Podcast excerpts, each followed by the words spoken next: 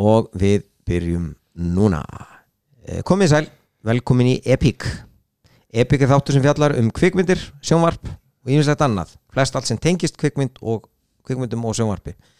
Um, Við munum ræða um uh, Nei, dísess Ekki vera svona reyður, þetta er allt í góðu. Maður. En sko, Sko, við erum að fara að fá til okkar gesti á, Ég er að draga mig út úr snörinu núna. Ah, ég geti þetta ekki. Já, ok, Sjálfsögðu. það er sennilega rétt. Við erum að, við erum að tala um, við ætlum að fá leikstjóra Við ætlum að fá framleiðendur Við ætlum að fara í kvikmynda yðnaðinn og sjónvars yðnaðinn Og ekki síðu kvikmynda söguna. Söguna ræða um bíómyndir sem að flestir hafa hort á. Já. vilja kannski frekar insýn inn í. Við erum 100% að fara í Love. Ha? Adam Sandler, er þetta grínast eða? Nei, Ok, nei Jú, engin, þetta er Adam Sandler frýtt svæði hérna. Bara, við viljum minna alla á það. Besti leikari heimi. Já, ok. best, besti leikari í heimi verður ekki til umfylgur en þessi þætti ever. Þannig að þessi epík hérna verður skýta djúst þáttur Já, það, það er bara, það er þitt að meta. Það er þitt ágæti áhörandi að meta. Heldur betur. Um, Við veltum við fyrir okkur hvernig ættum við að byrja episkan þátt eins og þennan og hvar er betra að byrja heldur en á já, stærsta og merkilegustu sjómaserju sjómasögun vilja margir Já, sem er að fara að byrja eftir nokkra daga nokkra daga, tíu daga ja, Við veitum ekki alveg hvernig þessi þáttu kemur lóti Slagur já. þá vil ég Eftir bara nokkra láta daga. þá vil ég bara fá að láta fólk vita að við erum að taka þáttinu upp þann fjórða fjórða apríl Já, þannig að 14. apríl og það getur vel verið eftir að þessi þáttur er komin út við skulum vona samt ekki Nei, Nei, gerum vonum okkar besta. ekki, við gerum okkar besta að 14. apríl verður frumsýn fyrsti þáttur í loka of Game of Thrones. Við fengum mikil meistara til okkar hérna Samuel Ólason. Hann er búin að, hann er eh, hérna fréttamæður á vísi. Hann er búin að skrifa þvílika greinar um Game of Thrones. Og, og bara væntarlega einn af er þetta ekki einn, einn hvað segir maður, einn, einn, uh, hann veit einna mest um Game of Thrones á Íslandi eða? eh, má, má ég segja þetta alltaf nördalegt núna? Það mætti kalla hann þriðar hrafnin Það er svoleiðis, það mætti kalla hann þriðar hrafnin vegna þess að hann veit allt. Hann veit allt. Sér allt. Við þökkum honi kella fyrir að koma. Og vonum að þið hlustundur njótið eh, þess að hlusta.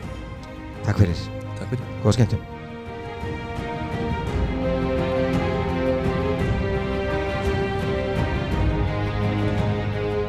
Kjósalega tilbúin. Um, Byrjum á þessu. Uh, Hérna Þú styttist í uh, opnun eða byrjun á síðustu og loka serju Game of Thrones þáttana sem hefur náttúrulega verið algjört fenomenum í sjónvarpi núna, eitthvað sem við höfum í raun og verið ekkert hérna ekkert upplifað áður. Um, hinga til þess að ræða þau mál er komin Samuel Ólason Halló. blessaður, Jú, jú, mikið rétt. Verður velkomin Takk. Gaman að sjá þig. Og að samanskapi tæknimaður Mattias Óskarsson. Sælitið sem þykist vita eitt og annað um þetta. Við skulum bara láta á þetta allt sem að reyna. Ég held ég sé komin mjög djúft í hérna Ég held ég að lofa upp í ermina mér en, en hérna en ég kláraði seriðna núna bara fyrir stuttur sko. byrjaði á þætti eitt bara. Já, ég segi það, þú binsaðar þetta þannig að þú hérna hlýtur að vera með eitthvað einsýn inn í þetta eða svona dítelana heldur betur. Heldur betur, það er ljómandi gott eh, Við ætlum aðeins að fara bara í raun og veru kannski yfir en, en ætli sé þá ekki í raun og veru best að við förum aðeins yfir það hérna í sammenningu hvar við stöndum þar sem að við endum síðast. Er það, það eru að hvítu skrattarnir eru búnir að brjóta þennan þennan fræga múr Einmitt. eru að valsa suður eftir en þar er ennþá allt í hershöndum það sem að hún uh, Cersei Lannister sem að hérna, sem að menn hafa misjafnar skoðanir á er hérna heldur betur að hún í raun og veru er ennþá svona dóldi að halda spílanum að sér og vill ekki ekki saminast í baratunni gegn. Hún plataði þau reynar hinn öll upp á skónum bara. Fyrirfram ákveði hjá henni að ég heldur fund og komið með uppvakningi til þeirra þá var hún búin að ákveða fyrirfram að vinur hennar, Euron Greyjoy átt að þykjast vera hrættur að fara heim en hann fór þessi staði alltaf rátt og sagt svo að sækja stærsta málaliða her söguheimsins já, gullherrin Já, gullnu gu- Já, gullna hertildina En býtu nú við, nú, nú er ég örgulega að ruggla einhverju saman. Var það ekki þannig að þegar að hún hérna þegar, þegar dregarnir koma og ráðast á Lannister hérna herdeldina Battle of the Loot Já, Train. Voru þeir ekki þá að hérna ræna hergagninu sem að þau ætluðu að nota í að borga þessari gullnu Jú, herdeild það kom fram með mitt þá að þeim gullið sem er stólu, stálu frá Já. og Lennu, Tyrell þeir voru búin að koma því til King's Landing áður en Já, hafa náðu komið bara í rassin á, á, á, Já, á ok. vagnalestinni sko. þannig að þeir eru ekki að þeir eru ekki að krakka hérna þeir, þeir eru ekki að koma í veg fyrir að þau geti ráðið gullnu herdeildina hún notaði það gull til að borga játbankanum í Bravos já, já, og fekk annað lán til að borga gullna það var hertildin þannig, það þannig, alveg rétt. Þannig að það er svona og undirliggjandi er náttúrulega í þessu alltaf, það, þetta er eitt af þessum er svona, svona doldi interessant í þessu að það er, að, það er þessi sko skýrskotun í það, þú veist að ég veit ekki hvort að við, við getum, getum heimfært að pínlítið yfir raunveruleikan, mm. yfir í því að hérna, að hérna, ef þið horfið að sá sko, það er eitthvað svona það er eitthvað svona yfir, það er, það er eitthvað svona ógn sem að hérna hangir yfir okkur öllum í saminningu ergo, þú veist, global warming eða eitthvað svo leiðis það er, er margir fært raukur því. En við skulum samt sem áður halda áfram að, að pöngast í hvorum öðrum vegna þess að það er aðalmáli og ég ætla ekki að missa stöðu mín að gagvart ykkur inn skiljiði mig veist, það er, svona, það er svona eitt af þessu sem maður horfir í og hugsa, býtu hvað þú veist, þú veist hvað, þetta kallast alltaf á við samtíman sko. Þetta, því hefur haldið fram að þetta sé bara ein stór myndlíking fyrir global warming já, já, akkurat, akkurat eh, ok, við förum aðeins í það og, og, og, og, förum aðeins ítarlegar ofan í þetta síðan þau eru sem sagt þarna eh, já, þau eru einhvern veginn að, sapna liði eftir kannski bísna veiku mætti búin að missa einn já. drekan en það er minnsti drekin Já, sumir vilja benda á að það skipti daldi miklu máli. Já, já ég hugsa að það gerir það sko. En það veldur alltaf á, alltaf á því hvernig leikreglunar eru varandi það hvernig þú drepur hann sko. Við vitum það ekki. Í rauninu, maður hefur séð í þáttunum eftir hrapptinunni, svona Dragon Glass að það er séð að drepa uppvakninga, þær hafa gert það bara með að poti þá nánast, með, þannig að það ætti ekkit að vera teknilega sér erfitt. Já, þeir föðra þá bara upp í eitthvað svona þyrlast upp í en eitthvað. þeir eru að fara að brjóta einn reglur sko sem þeir eru búin að setja upp. Sverðið hans Jon Snow maður, hann tekur eitt drikkin há það verður eitthvað, já, jável S- sumir vilja, e- eitthvað staðar heyrði ég eh, kenningu að hann hérna, æ, hvað hétt hann hérna, þjóttnin hennar, hérna Targaryen hérna uh, hann sem fekk hérna uh, Já, já. Að Sam, Sam hérna bjargaði. Já, komum góður, Mormont. Já, Mormont. Að, að, að það og hans sko staða myndi mögulega eitthvað vera til þess að, að, að hann geti varið sér dregaldi eitthvað svolítið með, með þessu. Já. e, eitthvað svolítið sem að, það er alveg alveg Ég- 7000 kenningar Já, verða til okkur með einasta degi. Akkurat. En það sem ég veist að magna var þetta drekana það er sko að drekin sem dó og var svo reistur upp aftur hann heitir Viserion. Eftir drullusóknum Viserys sem var bróðir Daenerys. En drekin, hún er á Drogon sem er eftir, heit, hún skýrði í höfuð á kallinu sínum. Khal Drogo. Khal Drogo, já. hinn heitir uh, Rhaegal sem er sannast í höfuð á pappa Jon Snow. Ah. svo við fyrir í smá spennuspilla hérna. Ég veist það, ég, hann er að fara á bak, ég er alveg handið svona sko, þannig að ég, þetta með sverðið og Jon Snow kemur ekkert óvart sko. Nei. Að það er eitthvað í hálóftónum eitthvað frábært sem myndi gerast. kom fyrst frá mér, takk. En hvað hérna Nú, er hún ólétt eða? það er stóra spurningin sko. Hún var að lúla hjá hálbróður sínum. Já, Það er frenda sín, Frænda sínum. Hún sko var Rhaegal Reygartargerinn var bróðir hennar.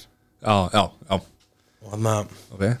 En Cersei er ólétt líka Eftir svo bróður sinn segir hún hún er Já. allavega ekki komin inn að bumbu eða neitt og, og þegar hérna maður veit náttúrulega ekki þegar tímaraminni eins og þáttum er komin í algjörstrugl eftir að þeir tóku fram á bókunum sko. já, já, en hann þegar hún var ung að við komum fram í bókun sko, þá hitti hún einhverja nord sem sagði hann hún myndi bara eignast þrjú börn já, og að yngri bróðurinn myndi drepa hana.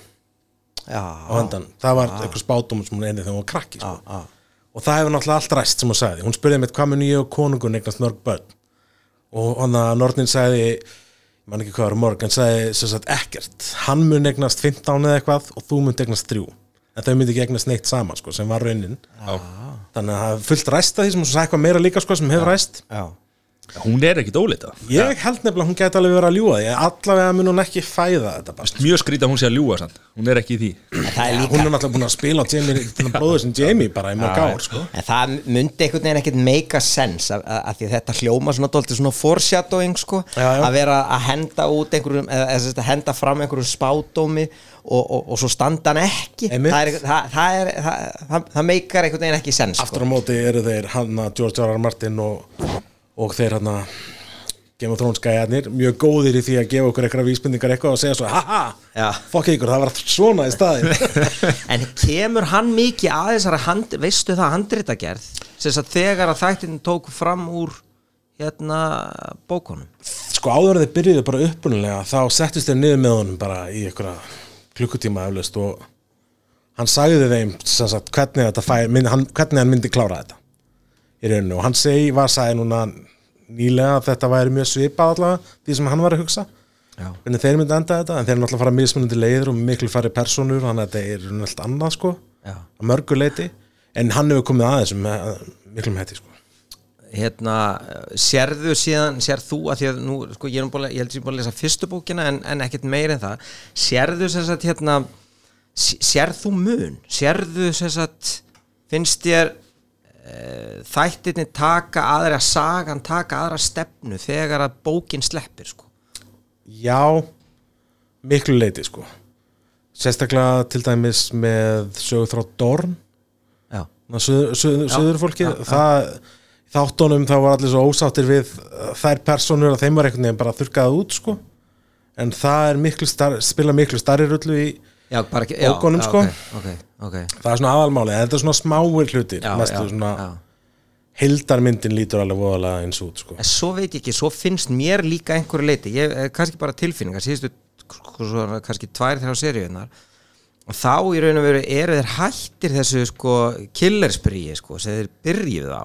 Og kannski er það bara því að sko sagan er að koma meira og meira saman og Já, já. atbyrðar rásirnar allar eru að renna saman í eina. Já, mitt og, og þar að leiðandi er, en þú veist það, það, það, er, það er ekki búið að vera held ég í síðustu tveimur þetta býttu þessi ykkur döður reyndu það með Rickon Já, Stark. já, já. en þú veist, þá var hann ekki búin að sjást í Nei, fjögur já, ára og það já. var allum sama skilur Já, ég- já, ég það mun- já. skilaði ekki eins miklu. En, algjörlega en þú veist, á einhver tímpúndi verða þeir samt að hugsa já, við þurfum að hafa einhverjar söguhetjur eftir í lokin. Já, já, já, algjörlega, algjörlega. Það hlýtur að vera og það, það er kannski bara þeir eru svona hægt og bítandi að skilja kjarnar frá hismunu sko, svona hægt og bítandi það geti verið sko. En þetta er samt geggjað hugtak hjá þeim, bara að taka fyrsta serían, þá var ég ekki múin að lesa neitt og ég kom inn í hann á þeim á löngu byrði ég man ekki hvað, hvort hann var búinn og ég hugsaði bara, já ok þessi þættir eru sannst um Ned Stark. Hann er að fara söður að bjarga Robert, vinnin sínum. Svo fer hann, saminar allt og fer svo norður og dreipur kvítgenglana, það held ég bara. Á alveg frábær, frábær börn og, og, og Já, konu og þetta er bara, þetta er bara happy ever eftir alveg bara nánast þar til hann misti höfuð þá var ég að hugsa bara, býtu hvernig hann hlýtur að komast út af þessu, er það ekki að fara að gera algjörlega. Og svo fer hann og, hérna, þá hugsaði, nú þetta er ekki um hann, þeir eru um Rob Stark, svonans þannig hann er að fara að gera þetta allt í staðinn. Svo það sé svona þrjú þá var bara, nei, býtu þetta er alveg fáralegt sko. já, þetta er geggjað. Og bara þessi óvissa er smitandi basically, sko. Já, hún er það, hún er það. Og hérna, en, en, en svo held ég að sé að sama skapi þessi, í raun og veru eru þeir að gefa þessum, við skulum segja skúrkum eða vonduköllum, þeir fá ansi sko stórt vægi Já. þeir fá rosalegt vægi bæði í sko hvernig þeim fleiti fram, það gengur ansi vel í raun og veru ef að þú ert það sem að sko við, við köllum slæmt en, en hérna þannig að, þú veist og, og, og það er ekkert eitthvað svona stutt það er heila horfið seríunar og það er til dæmis eitt af því sem hefur stoppað mig því að horfa aftur á seríunar ég segi, Já. ég nenn ekki að fara í gegnum hérna hann hérna Joffrey Baratheon. Nei Joffrey hérna einmitt. ég, ég nenni því bara ekki. Ég nenn ekki að horfa á hann vera viðbjóður í hérna, í, hérna svo, og áhrifin þegar ég var að skoða þetta mér finnst magnað að leikarin sem, sagt, sem leikur hann sem heitir svo mikið sem Jack Leeson hann er sem sagt retired. Hann, já, bara hann leikur ekki meira. Ég var einmitt í dag og ég skil af hverju eftir í dag þá var ég að setja saman eitthvað svona myndasirpu að vísi frá frumsýningu sem var í gær. Og þegar ég sá mynda honum þá sagði ég, pikkaði ég félagum sem satt í hliðina á mér, bara þetta er svo skrítið, ég verð bara reyður við að sjá mynda Sama, Samaskapi heyrði ég hérna heyrði ég sög, ég veit ekkert hvað er til ég, allavega, það, það var haft eftir henni sem að leikur, hvað heitir hún leikur sem leikur Cersei Lannister? Lína Hetti Já, hún var að eignast bann og hún var, hvort hún hafi verið á spítala eða eitthvað svolítið, og það var hérna hvort hjúkurna eða einhver sem að starfa og var að hjálpa henni sko að láta þú veist, barnið taka bröst, það var eitthvað svona mjög svona intimate og svona fallegt eitthvað svolítið og, og, og hún sagði ég, ég var, hún var að hjálpa mér. Og svo heyrðist alltaf í henni annars lagi shame, shame shame. Þú veist, þetta, þetta, þetta grilla svo sko, þetta, þetta grilla svo bara venjulegasta fólk sko, og setur það í svona, þannig að þú veist ég, mér finnst þetta bara eitthvað svo sorgleitt með hennar unga strák sko, sem að í raun og veru sko e, e, sko lék sko hlutur Jeffrey Ótrúlega vel. sko. alveg rosalega hann bara sko. virkilega hata Já, þessum persónu. algjörlega sko.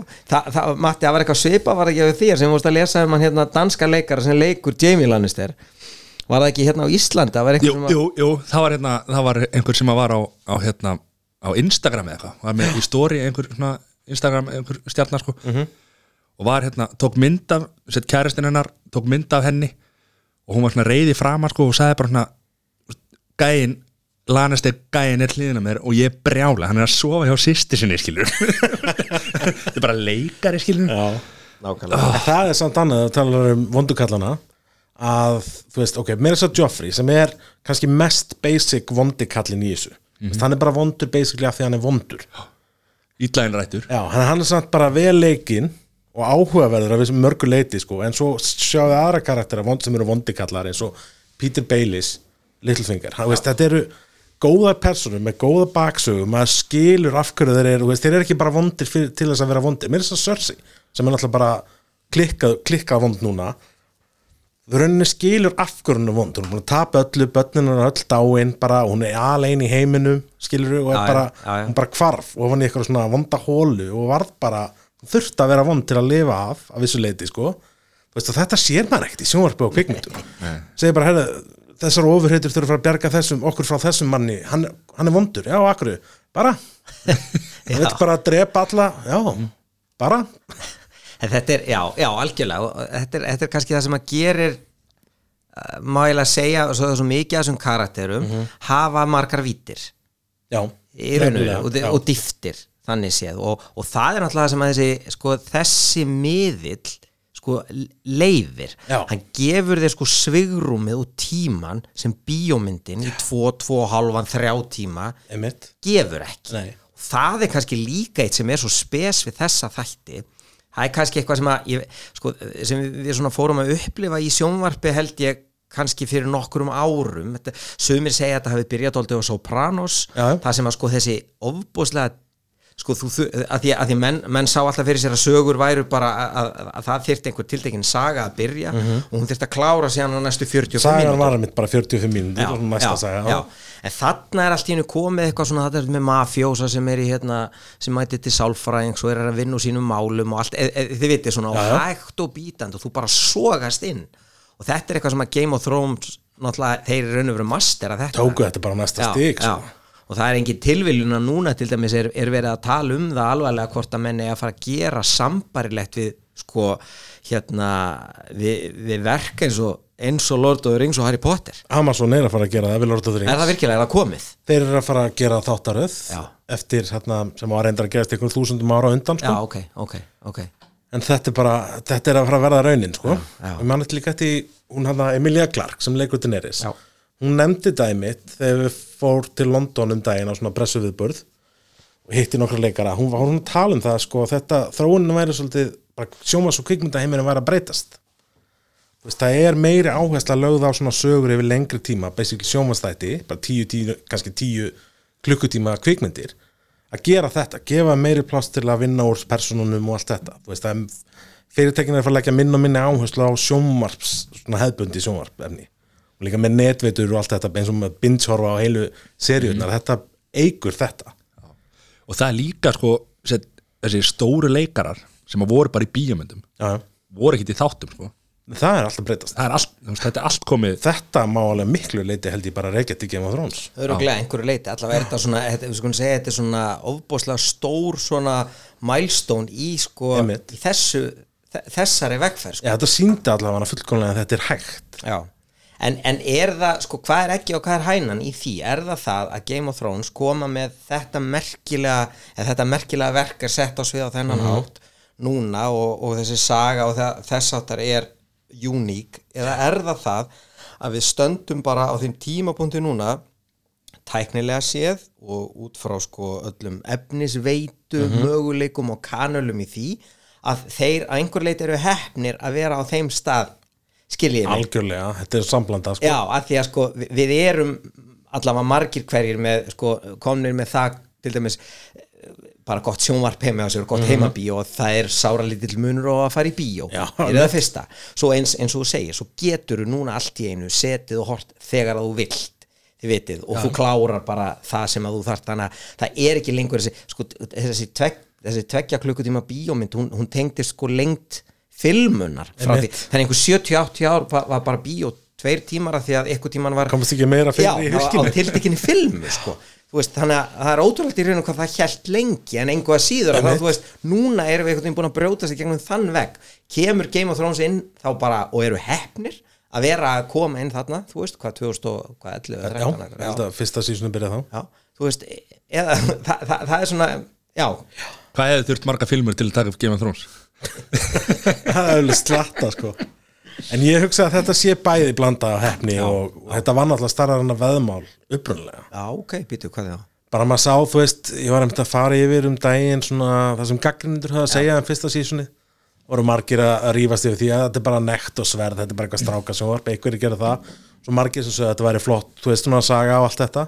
Og, en, meir hlutin að þeim var eitthvað að spá svona, ég veit ekki alveg hvað HBO er að spá, þú veist, með að byrja að setja voru þetta, þegar þetta byrjaði þrátt fyrir að þetta var í fyrsta sísunni voru að setja mikið af peningum í það, Já. þó að sé að setja mun mun meira Já, núna. já, já, og það voru margir sem töluði um það það væri bara stórt veðmál og það er forvöldnir að sjá hvernig þetta myndi ganga upp sko. ok, ok. Ég myndi var að Ég var að benchwatcha þetta núna hérna og allt í góð með þá, kona var ekki að horfa á þetta sko Svo hérna, alltaf þegar hún kom og labbaði fram í sjónvarpinu þá var alltaf einhver nekt í sjónvarpinu. Hún alltaf bara, hvað er þetta að horfa á mér? Ég, nei, er, þetta er, er, ég er ekkert að horfa á þetta skil, það er, er, algjört aukaðri sko. Býtu aðeins og það verður til að Það er gæri verið nakkin líka. Sú gaggrinni hefur samt farið í svolítið töðunar mér gegnum árin sko. þú veist alltaf þetta, þetta sé bara þú veist uh, og, og bardagar sko. Já, bara eitthvað svona strákadót sem er bara á ekki rétt á sér heldur betur, heldur betur. Og sem, sem eru bara í forsvarið fyrir þættina bara, þú veist, Sansa og Arya sýsturnar, Brienne, Daenerys auðvitað. já, já, já, já. Já, ég bara meir og minna sko. en er þetta þetta er, líka, já, Cersei, já, þetta er líka þannig í bókin er það ekki? Jú, já, þannig að það er ekkert eins og það sé að ha, hafi síðan verið eitthvað fiffað í, í setni seríunum nei, nei, einmitt, Þannig en þeir hérna, minguður enda nektina aðeins, setna meir sko, já, maður tekur alveg eftir því. já, já.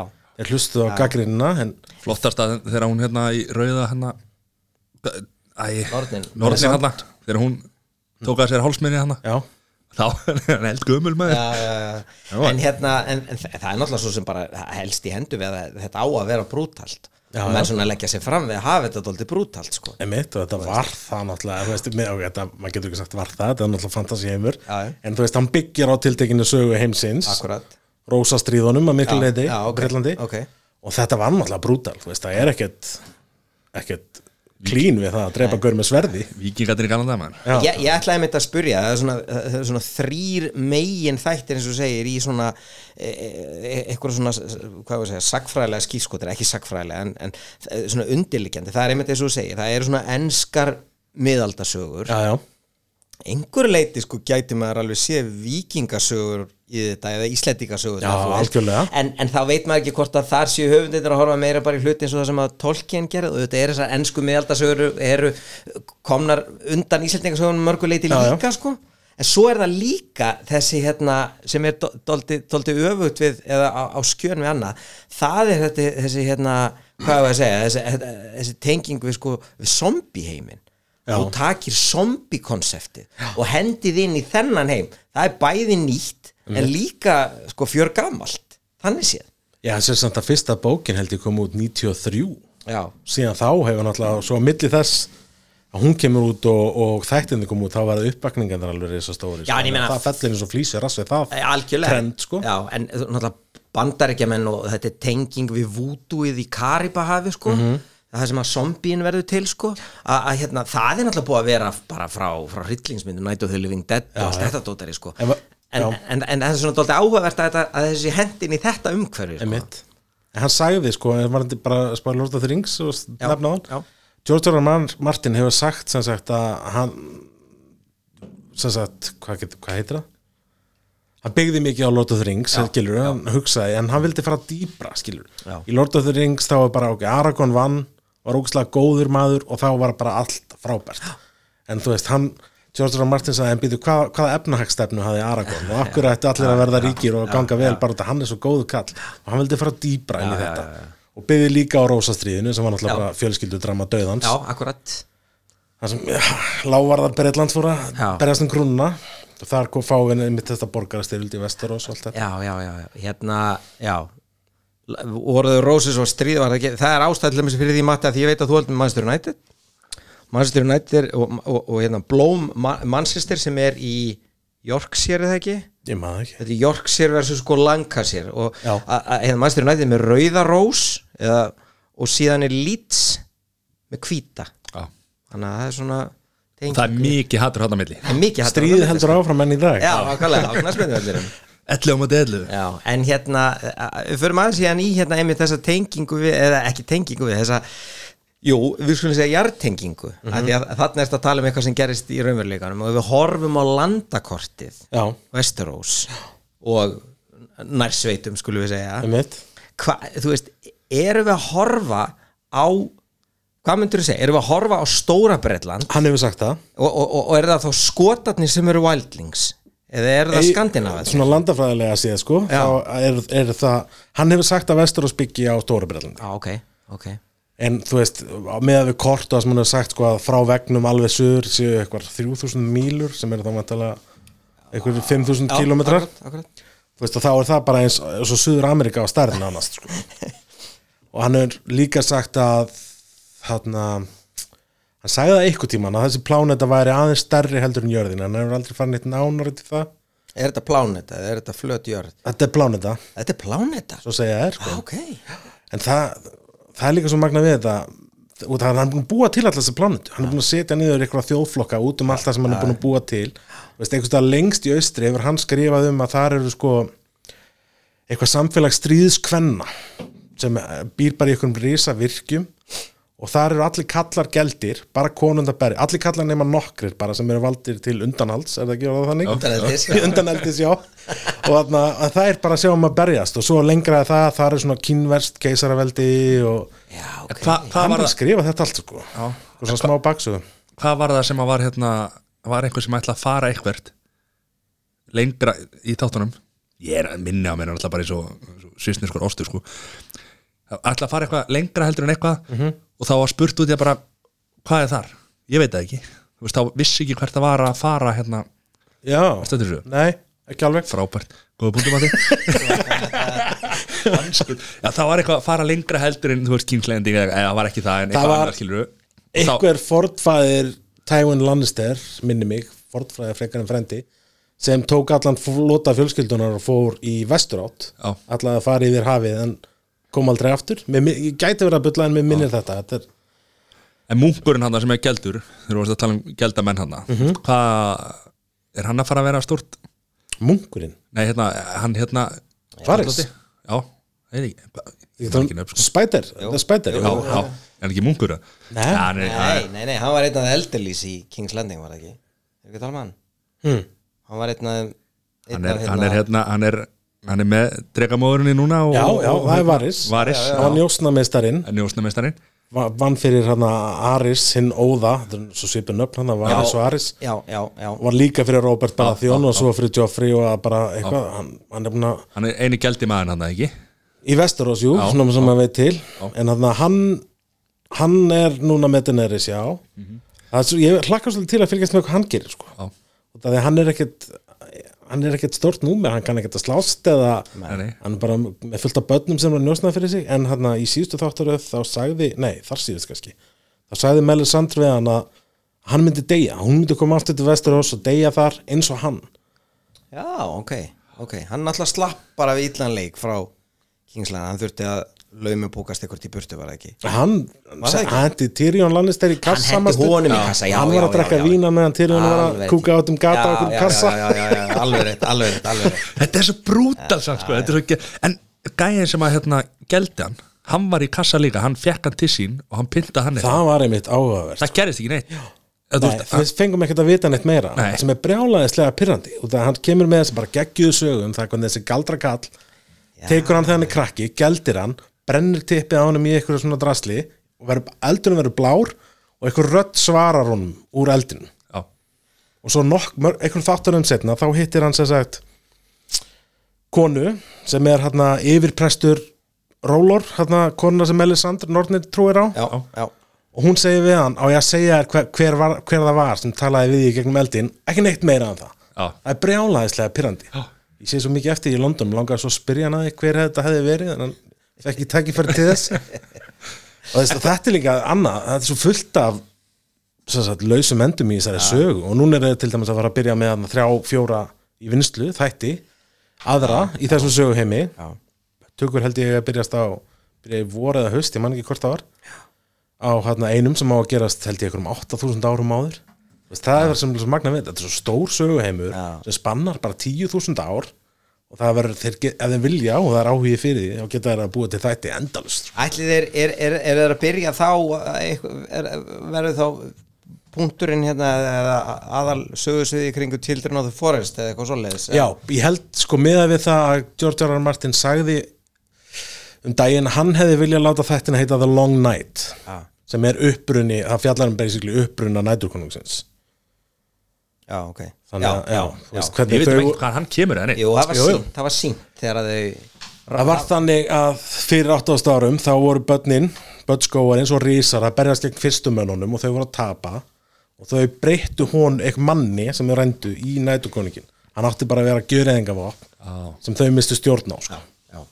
og þau þurftu að taka höndum saman með mönnum til að stöðva hann og það var langa nóttin sem Já, upprunalega, hérna, Ég sopna hana Dammit Já, svo náttúrulega já, já, já, en svo eh, eh, náttúrulega er það sko að þau kom ekki drosalega mikið fram börn hérna Children of the Forest í þáttunum. Þau ekki komið mikið. Bara rétt þarna var ekki síðasta barnið eða síða þarna sem að var með honum. Þeir eru, já, þeir eru komin hérna langt norður fyrir. Þau voru öll drepin hann bara í svo endin þau voru bara í nokkrum þáttum og spiluðu í lenga rullu Nei, aðra en bara en þetta eina atrið, það sína hvernig það var til sko. það er náttúrulega líka, það er, það er hluta sem gerir þetta svo flott og skemmtilegt, þú ert með áhuga að verða svona, svona undir karakter sem að bara, bara gera í raun og veru senuna dýpri sko, Já, og já. svona, þú veist, en, en er ekkit endilega sko, endilega aðal sko, þannig að hérna, Er, er þeir að fara að klára uh, Hvað sem var að Klára alla þessar Vá, þessar hnúta Er þeir að fara Allir þessi lausu hnúta sem eru Þeir geta það ég ekki get ekki ímynda mér það sko. Herri, förum, förum aðeins í endin förum bara í það núna, hendum okkur beint í þetta. Það er ekki að byrja á byrjunni bara? Nei, bara, við byrjum bara endan vegna þess að hérna, það er kannski bara það sem er uh, hérna, við erum að býða til endanum Einmitt. það er bara þannig. Það er búið að leiða okkur núna átta ár. Að, já, bara algjörlega. Það maður er búin að vera alveg að missa sig sko, og Hvað, alltaf, ger, hvað gerum við þegar þetta er búið? Býðum tvö ára eftir að príkólið sem þeir eru að gera kemur út. Þá er á Westworld maður, það er frábært þetta er frábært þetta En heldur að þeir hérna Er þeir ekki að fara eiðilega geta með að fara að henda einhverjum Ég veit, þú veist. Ég get ekki ímynda mér að það verði jafn vinsalt og þetta og þeir þurfa þá að halda framleyslugildinu jafn há og þeir eru með það, búinir að vera með sko. Sko, það sem þeir mega ekki gera er að falla í fristni að halda áfram að því þetta er svo vinsælt. Emitt það má ekki gerast sko. fattiði.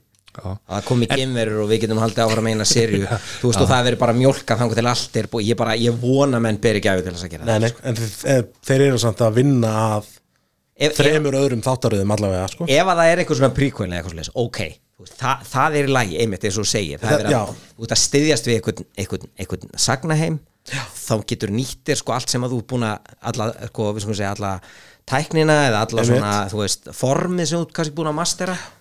En, Þetta- ek, leiðu þess að klárast Já, þetta þurfa að vera, þú veist, eða að fara að gera prequel þá bara ekki meira en fjórar, fimm seríur í mestalagi og klára þetta akkurat, akkurat en, en sko, en Ga- Game of Thrones er fyrir, en Game of Thrones er bara klárast núna og það er bara búið sko. Já, Þú veist, en svo vinna er eitthvað úr öðrum þá já, það er bara eina sem er komið í ljós er það er sko. þessi fyrir 8000 árum og svo við, veitum við ekki hvað hitt sem er verið að vinna sko. Mhm. en það gæti verið hvað sem er í veist, það væri til þess mjög forhættilegt að sjá eitthvað frá Valyria, þarna.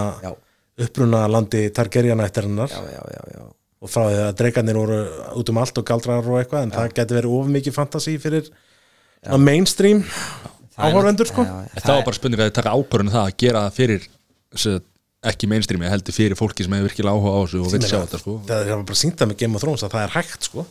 Já, já. Algjörlega. Heyriði, Endirinn. sko, endirinn.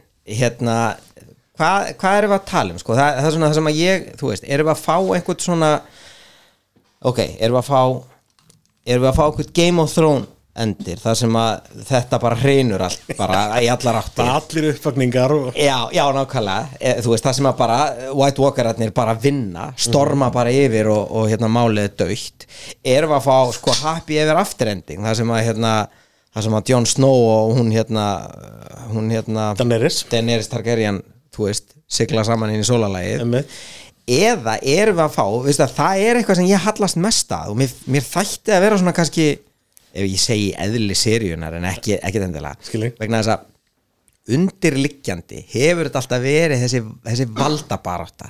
Þessi að, að eins og við vorum að byrja um að tala um áðan að, að, að, að, að það, það sé alltaf það, það, það sem skiptir alla þessa breysku karakter að mestu máli er að vera fremstur meðal þeirra Einmitt. þannig að þessi ytri stórkostlega ógn á endanum skiptir engan máli alveg sama hvort það séu skúrkar eða, eða góðir Mhm. að það skiptir ekki máli þannig að ég gæti alveg trúa því að það mundi í raun og veru bara að þau mundu hvort sem það er í sameiginlega ekki sko ná að yfirstíga þessu ógnun hérna sem að White Walkerarnir eru Mhm. til þess eins að sko ringurinn haldi áfram að bara áttan um játsætið haldi bara áfram já, skiljiði það er mín kenning. Það gæti, kemur ekkert óvart sko. Menn hún hefur sagt, sagði eitthvað tímann hún Daenerys minni manni hvort þið tala eftir því, þú veist, að Vesturós er bara hjól. Þessi ætt er ofan á Akkurat. næst þessi, en hún ætla að brjóta hjólið og eitthvað. Það væri alveg klassíst Game of Thrones en hún myndi ekki brjóta neitt hjól og bara verða undir því. Og það myndi halda áfram að rulla og svo er náttúrulega ha, ég trú ekki, hef ekki enga trú á happy ending í þessu. Allavega ekki að þau bæði lifi af. Það er ekki annað hvort er að gæti gert það. En nei, ég, þetta verður eitthvað millivegur held ég, Já, bara allir degi ég held að, og nei, ég held að barnið er að vera kongur það geti verið. Eða drókning það Nei, verið ég sko. en munið eftir í, í mann ekki hvað það þurfa hvort það er í annari þegar hún fer í hérna House of Undying heitir það, og sér fullt á svona sínum uh, var, það, var það sem þið reynda að festa hann inni? Já, já, já, þá sá hún til dæmis eitt, ein sínin, þá lappaði hún inn í konungsherbyggi í King's Landing. Húsið var farið, eða þakið af húsinu var farið og það var snjór. Já, það, það þú veist, þeir eru að tísa það alveg frá byrjun að næturkonungurinn munum bara drepa alla á að vinna, sko er það þá ekki happy ending fyrir þeim sem að heldur með honum eða? já sem eru hverjir Já, það er góð spurning. hann er kannski, ef maður spárið í vesti vesti vondikallin, hann er ekki með neina almennilega baksögu, en hann veit ekkert um af hverju hann er að gera sem hann er að gera. það er rétt, það er rétt, það er rétt. En svo er það annað, kannski bara svona hoppa í- aðeins að hoppa yfir annað, það er einmitt þetta hérna, það er, og það, það var svo flott að að það kom, kom svo vel út þegar að hérna það er í raun og vera að þó að það séu aðeila sem við höldum með, þó að séu aðeila sem eru góðir, þá eru þessu fljótir að falla í grimdina sem er allt um líkjandi í þáttum Einmitt. þetta kom best þegar hún hérna Sansa Starks sem að í raun og veru var búin að vera góð, góð mennskan uppmáluð fornalambi öllu já, já.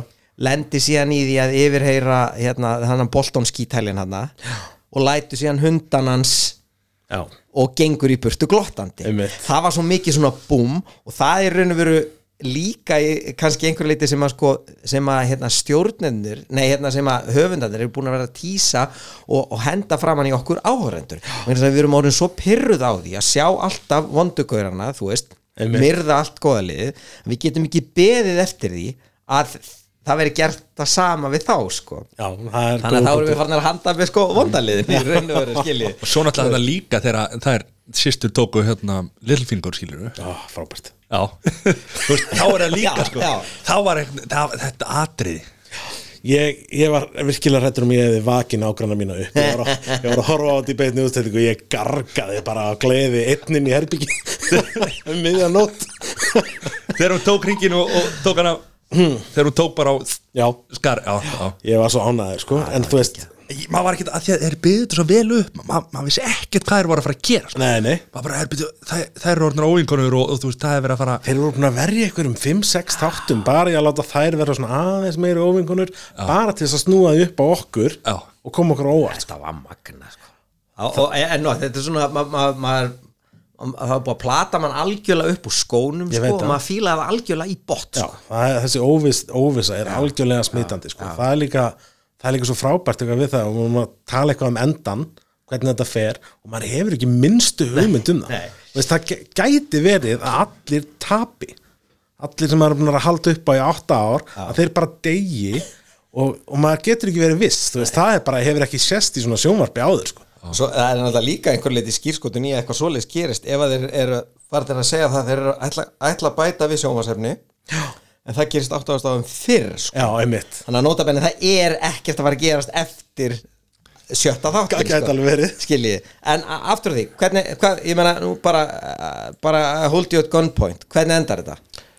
Ég ætla að segja, sko, ég byrjaði ekki að trúa þessu lengi. Eða ég trúði þessu sagt, ég hafði ekki miklu trúa þessu til að byrja með en ég er alltaf að færast nær og nær því að Gendry muni bara enda á, krún, á krúnni á hásætinu. Bastarðurinn hans hérna Robert. Já, veit, sem er hérna sem er hérna ó, hvað, hann er með Hamarinn? Eins og pappa sinn. Hann, Já, hann fó, hann, ég veit ekki, mér þætti það eitthvað svo klassist Game of Thrones. Hann hverfur, fer á árabátinn og er að róa í þrjú fjögur ár Já. kemur svo aftur og bara ég, það væri mjög klassist fyrir mér í mínum huga sko. Já. En, bara eins og menn gera, Já, róa í fjö- þrjú fjóra ár bara. Ferskir. En ég hef samt ekki hugmynduð það sko, Nei. þú veist að, að þeir já, en þú varst náttúrulega að segja núna á hann að hérna, Tyren sem er dvergurinn hann er að fara að drepa Cersei, sýsti sína ég, ég held að Jamie gera það séð, já, er, hann, hann er yngri, Já. það hún kom út á Á undan, já. ég er alveg hann, það væri líka svo en Tyren er alltaf yngstur sko, eða, já, já, já, yngri bróður já. Yngri. hún Já, sagði yngri. þið eru miklu gáðar heldur en ég maður já, það var líka bara svo ótrúlega góður endir á sögunni hans sko. Þú veist, Jamie Lannister er að mínu viti áhugaverðasta personin í Game of Thrones hann er búin að eiga svona skemmtilegustu sögu þróun eða personu þróun hann byrjar bara þessar hrókafullu drullisokkur og við hötum hann öll. Aha, Þú veist, hann bara end, hendir brann út um glugga Já, já. turninum og það bara hata hann allir. Svo bara hægt og rólega yfir, þú veist, 5, 6 6 þáttaraðir lærum við meira um hann og af hverju hann er svona mikið fíbl og þú veist, hann var bara fíbl til að venda sig gagvar því að það kom allir fram með henni svo fíbl og hann svona, við lærum það að hann er mikill svona heiðursmaður í kjarnan og, og þú veist, og maður bara fann að halda með hann já og hann alltaf hann, Ég tek ekki svona djúpt í árun en ég skil hvað þetta fara Ég, ég er bara innel ósamalað Ég, ég, ég þóla hann ekki ennþá sko. Nei, ok. Kannski er því að dansku leikar er leikar sko. Ég veit það ekki sko, en, hérna, En ég- ég- en, eina- ég skil hvað þetta fara sko. varandi endan uh, ég vil að hann lifi út af því að ég er bara farin að halda með honum sko. Þú ert aðeins á undan held ég flest öllum öðrum í þessu. Þetta er, þetta er góðu punktur sem við erum að tala um að að maður, þegar maður fer að hugsa þetta tilbaka þá er þetta alveg rétt hjá þér. Hann er búinn að vera að vinna á þó svo að hann sé hérna, hægt og rólega sko, á þess að maður tæki eftir í líka sko, að maður hatar hann svo mikið. Vendipunktunum var held ég minnum í fjórðu þáttur frekarinn í þriðju, minnum þegar það var búið að taka honum hendina það var hún í heita pottinu með henni Brian hana, og þau baða sig og hann sagði af hverju hann drap konungin sem hann var búin að sverja þess að verja já, sko. já, já, akkurat, bara akkurat. alltaf að verja alla íbúið King's Landing og sagði svo bara einhver frá því nema Já, Tyrion og og svo náttúrulega kláraðist síðasta seri á því að hann lappaði burtið að því að fjalli átt að drepa hann sko. já, hann fór til Systir að standa við orð sín sko já. og það sýsti sína sem að hún ákvaða að svíkja Emitt, hann alltaf vildi standa við það sem hann sagði sko en verður hann, er hann svona X-faktor í því að hérna, í þessari baráttu við nætur konungin eða? Hann sko hann er með sverð sem getur dreipið nætu konungin sverð úr að drega stáli það. Hvað er margir með það sverð? Það er Jon Snow. Jon Snow, Hann, Brienne of Tarth og hann þau tvö sverði voru Já, búin er hún líka með sig? Já, hún fekk hitt sverðið sem hérna, Tævin létt búa til úr æs. Sverðinu sem Ned Stark átti. Ah, já, já, ok. Það voru tvö, það var svo stórt að var hægt að búa til tvö og því svo er Arya með rýtingin og Samuel Tarly hann er með sverðið sem að stala pappa sínum í, í, Já, já. í hérna 50 þáttur Já, já, já, já, já. Hann er líka svona gæði sem er svona X-Factor sko. já hann sko, ég, Hann hefur drepið sko, hann hefur uppvakning. dreipið kvítgengil Já, þó hann hafi hérna geti ekki bjargað lífið sinni til að berja hann er, hann er svona, svona timid hetja svona, hét, hét, hvað sem var, hlédra hetja Já, já. í þessum þáttum Þessar bækur sem að stala þarna úr bókasafninu þarna það, það, það er eftir að koma eitthvað í sögu. Já, já, hann hann náttúrulega þarf að segja John hver hann er í rauninni og allt það. Já. Það er náttúrulega er hérna hann hérna bróður hans Stark hérna sem er Brann. Brann, já, hann náttúrulega er búin að segja sami þetta. Já, já, og þeir komu staðis við saminningu rauninni, hvað hefði gerst og hann væri ekki bastarður og allt það. Sem ég, mér fór þetta hvernig það mun fara sko, hvernig fólk mun taka í það það er upplýsingar Þannig að hver er hver er hinn sko hver er hinn rétti erfingi? Hver Jon er næstur á ef við erum að fara í, eftir beinum Já, kalleg ég er það. þá var Jon Snow. Já, það er bara Aris, já, Óði, já. Rhaegar og svo Jon. Er Aris, set, það er The Mad King við ekki? Er hann fyrsti konungur? Já, þú veist hvað? Nei, nei, hann, hann hann Egon Targaryen hann var fyrsti konungurinn í þeirri ætt sko. Hann sem sigraði í Vestaros sín tíma með þreymur dregum og allt Hann var the Mad King Er það ekki? Eða var það Nei, Ares? það var, var Ares. mörg hundru ára setna Já, og ok, þá var Ares ok, Já, já svona Sivja spjall í, í, í, í marga ætliði var ekki búið að fara vel í þann mann Nei, nei, nei, nei, nei. En svo Þetta er alveg samt, En sko. svo er nota verið að því við erum að tala um sifjarspell og svo að þetta er nú bara saga en ég meina þetta er það sem að konungsfjölskyldur í Evrópu gerðu í gegnum standard, það var sko. standard sko. Að þú vild- vildir ekki bla, blanda bláu blóðu við röld sko, það er ekkert svo langt síðan hugsaði síðan þið hættu því. Nákvæmlega, nákvæmlega. Þannig að það er ekkit, þú veist, enn og aftur skýrskotun í, í raunveruleika að hérna, þetta er hérna já, þannig að við fáum ekkit meira út úr þér. Hvernig þú heldur að þetta endi, vilt Sko við vitum það að stærsta orusta sjónvarsögunar mun fara fram. Þeir eru búin að segja það. Þeir eru að fara að setja met í bara umfangi og lengd orustu það verður eitthvað. Síðustu þáttur þá settu þeir met í því að kveikja í í einu. já. Þeir eru að fara að bæta það. Veist, það voru sko, held ég þrýri mann ekki hvort það voru þrýri eða fjóri mánuðir af næturtökum í Írlandi bara fyrir þessa einu orustu Shit. Það er bara miklu meira en gert þér í bíómyndum Já, það, já, einmitt Sko, það eru, það eru nokkrar hérna, það eru nokkrar bardaðsenur í þessum þáttu sem hafa verið alveg ótrúlega ég, var, var, ég þurfti bara að kynna mér það, ég myndi ekki eftir þeim öllum. En það eru, sko að, fyrir mér, ég veit ekki hvað þér finnst mér finnst alveg klárlega við massakor þetta hard home flottust. Samanlega ég fannst hún geðvik Hva- og það það, er- var svona það, það, það, það sem er svo flott og það er, er líka flörtið að segja það í, í hérna í Battle of the Bastards. Þegar þú ert sko, það er þegar að sögu hetjan þín stendur sko ekki bara frammi fyrir sko ofurefli bara frammi fyrir dauðan þú upplýðir bara, það er engin að sleppa úr þessu. Það er eitt atrið sem man, muniði eftir fyrstu myndinni hérna í, í hérna Fellowship of the Ring? Þegar að hérna Aragorn stendur og er að, er, er að hérna, og þegar fróði réttir honum ringin og hann lokar lófanum á honum og segir farðu Já. snýr sér við og feysar þá einhverja svona 40 úrúkæ hérna orka, muni eftir þess er það, er svona- geggjað atriði. það er svona svona atrið það- sem- að þetta myndi má. Þeir, þeir sem eru í þessu, þessari senu eru allir að fara að mörkast út. Já. En fyrir okkur hérna vittlýsingarna, hvað, hvað sena er þetta? Er þetta þeir eru á eigunni eða? Nei, þetta er þeir eru, já, lengst fyrir norðar. Ekki, ekki sú Ekki, ekki nei, sú þetta, er- þetta er þeirra bróður hans dó Nei.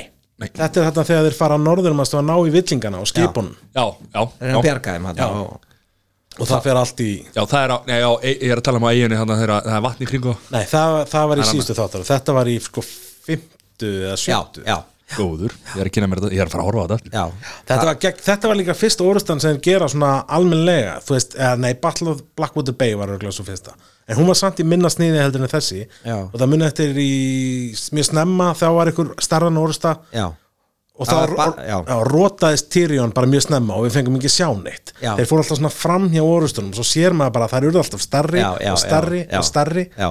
og núna erum við bara að fara á okkur nýtt level sko. en, það, já, það verður rosalegt að sjá það sko en það var líka með Hardhome og þessa óvissu það var þegar Jon Snow er að berjast í kvítgengilin Já, og já. maður gat bara ekki verið viss Nei, nei og það er bara Já, æðislegt já, sko. það er málið sko þetta er bara, Já.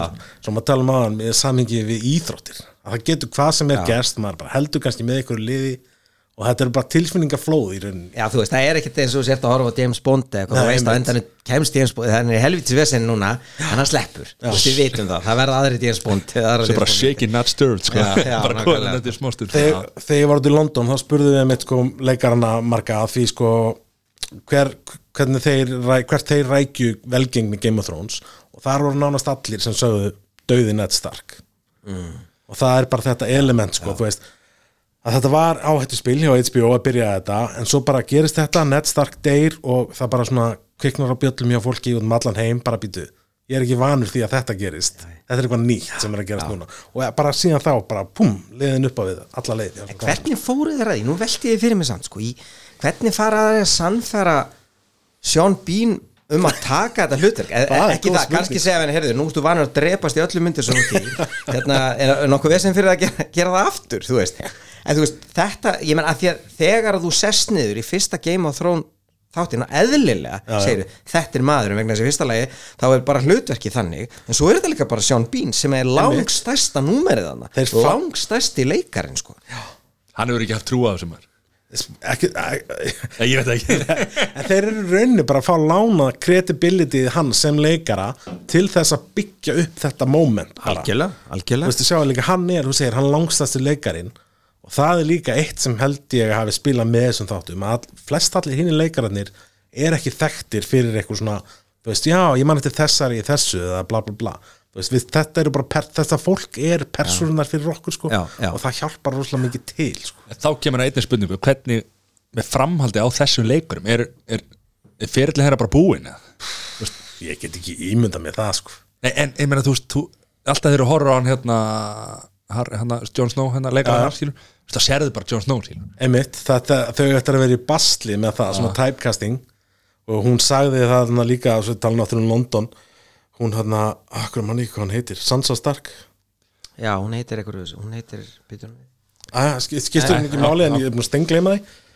Að hún sagði þess að hún er að reyna að forðast það bara eins og rauðan dauðan að leika rauðharðar personur já, sem er skrítið með að það að hún er að leika hérna er hún ekki rauðar eða? hm, hún er rauðhar sko. Já, já. En, hún, sem er náttúrulega, en svo fer hún að leika Jean Grey í X-Men sem er bara rauðharðasta manneskja já, það er rétt. í bara sögu en þarna nærum kannski að koma sér út úr því hlutverki sko.